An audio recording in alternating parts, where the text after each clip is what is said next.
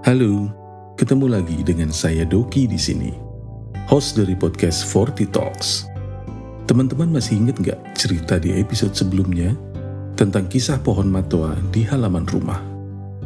Nah, ini masih ada sedikit kelanjutan dari kisah tersebut. Tapi, sebelum kisah itu kita lanjutin, jika teman-teman punya cerita yang mau di-share ke kami, jangan ragu untuk menulis kisah tersebut dan langsung aja kirim ke email kami di fortitalks@gmail.com. Dan sekarang, yuk kita dengerin cerita tentang surat Danang kepada Indri.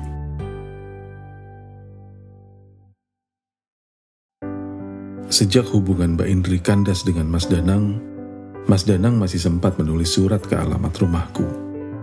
Aku mewanti-wanti pada Pak Pos, yang kebetulan saudara jauhku itu agar semua surat untuk Mbak Indri jangan sampai diterima oleh bapak ibuku. Tapi tolong disimpan dulu dan hanya disampaikan kepadaku. Dan inilah isinya. Aku tidak mengeditnya. Bahkan, sampai kesalahan penulisan pun aku biarkan. Assalamualaikum warahmatullahi wabarakatuh. Apa kabar Indri adekku? Tak apa kan aku memanggilmu adik? Semoga De Indri selalu dalam lindungan Allah Subhanahu wa Ta'ala. Seperti biasa, aku tulis surat ini empat rangkap. Semua asli tulisan tanganku. Aku tak mau De Indri membaca yang fotokopian. Satu kualamatkan ke kampusmu di Solo. Siapa tahu, suatu waktu De Indri ada keperluan legalisir ijazah. Atau barangkali reuni. Dan mendapatkan suratku ini di dinding kaca ruang tata usaha. Satu kualamatkan ke kosanmu di Kadipiro. Barangkali kalau kamu sempat jalan-jalan ke Solo dan mampir ke kosan untuk kangen-kangenan dengan Bu Yusripah yang baik hati itu. Beliau pasti menyimpan baik-baik surat ini dan akan memberikannya kepadamu. Satu lagi kualamatkan ke Nuni sahabatmu di Purwokerto. Aku tahu semasa kuliah kalian sudah seperti sepasang sepatu yang satu kanan, yang satu kiri. Sampai sekarang pun aku yakin kalian masih saling mengunjungi. Mungkin saat lebaran. Dan satu yang terakhir, kukirimkan ke alamat rumah. Nah, yang satu ini aku yakin sampai. Tapi aku ragu, apakah surat itu tidak disita oleh bapak ataupun ibu. Kalaupun iya, aku maklum sekali bapak dan ibu pasti punya maksud baik. Baiklah, sekarang kembali pada pokok maksud kutuliskan surat ini. Begini De Indri, sebenarnya aku berencana membuka usaha travel, jurusan Jakarta, Semarang, dan Solo. Alhamdulillah, sekarang aku sudah punya tabungan walau sedikit. Aku masih ingat kata-katamu dulu kalau kamu punya uang, lebih baik ditabung buat usaha daripada buat gugu kesenangan. Teman sekantorku sudah pada beli mobil pribadi. Tapi aku memilih membeli L300 second yang masih mulus. Aku sangat menyukai prinsip hidupmu. Kalau ada yang harus ditunda, itulah kesenangan. Kalau ada yang harus disegerakan, itulah usaha. Kenapa Jakarta, Semarang, Solo? Jakarta karena aku senang kalau melewati kotamu Pemalang. Pohon-pohon trembesi di kanan kiri jalan seperti kawan lama yang selalu menyapaku. Adem rasanya. Sedangkan Solo, karena kita dulu merasakan sendiri. Ada saat-saat tertentu betapa sulitnya mencari transportasi ke sana. Kita sendiri kan sering mengalami berdiri berdesakan dari terminal Terboyo sampai Tirtonadi. Walaupun sekarang aku berterima kasih pada momen desak-desakan itu. Nah, berkaitan dengan itu, aku bermaksud minta izin untuk menggunakan nama Indri sebagai nama usaha travel kude Indri berasal dari kata Indra yang berarti matahari. Matahari selalu terbit dan terbenam tepat waktu. Sebuah filosofi yang indah bukan? Begitupun moto usaha travelku ini. Pergi pulang tepat waktu. Apakah De Indri mengizinkan? Aku sangat menunggu balasanmu. Sementara itu, sambil menunggu balasanmu, karena usaha ini harus aku segera mulai, aku pakai nama NN dulu, alias no name. Ya, Travel NN. Demikian maksud kedatangan suratku ini. Oh, maaf, hampir kelupaan. Ada cerita yang sangat lucu di keluargaku.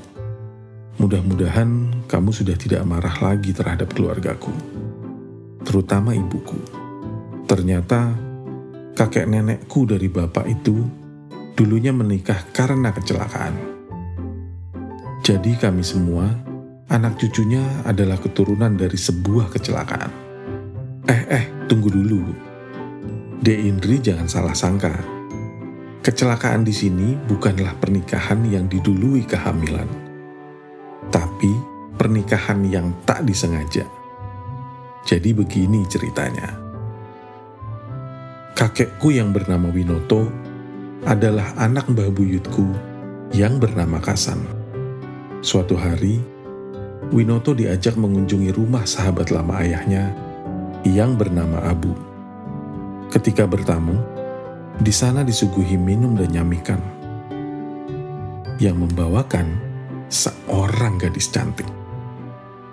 Dalam sekali pandang, Winoto langsung jatuh cinta.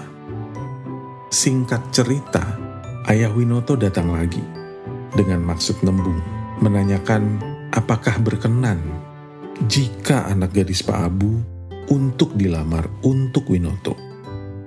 Alhamdulillah, Pak Abu menyambutnya dengan perasaan bahagia dan berbunga-bunga.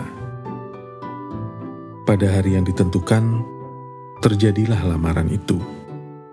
Namun, betapa kagetnya Winoto dan ayahnya. Karena yang dilamar bukanlah gadis cantik yang dulu membawakan minum Gadis cantik yang diincarnya itu ternyata bukan anak Pak Abu, melainkan pembantu rumah tangga di keluarga itu. Sedangkan yang dilamar sekarang adalah Maryam, putri Pak Abu satu-satunya. Winoto tak langsung menyukai Maryam. Hatinya masih terpaut dengan gadis cantik pembawa nampan namun, demi menjaga kehormatan dan persaudaraan dua keluarga, hubungan itu tetap dilanjutkan hingga jenjang pernikahan. Kecelakaan itu sangat dirahasiakan. Hanya diketahui oleh Winoto dan ayahnya.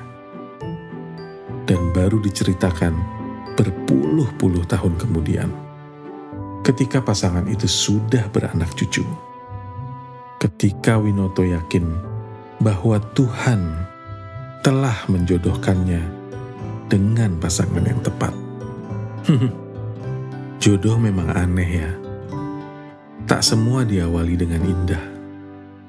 Kadang dia seperti jamu, yang pahit di depan tapi sehat di belakang. Atau malah seperti permen, yang manis di depan tapi ngilu di belakang. Aku sendiri tidak tahu jodohku nanti seperti apa.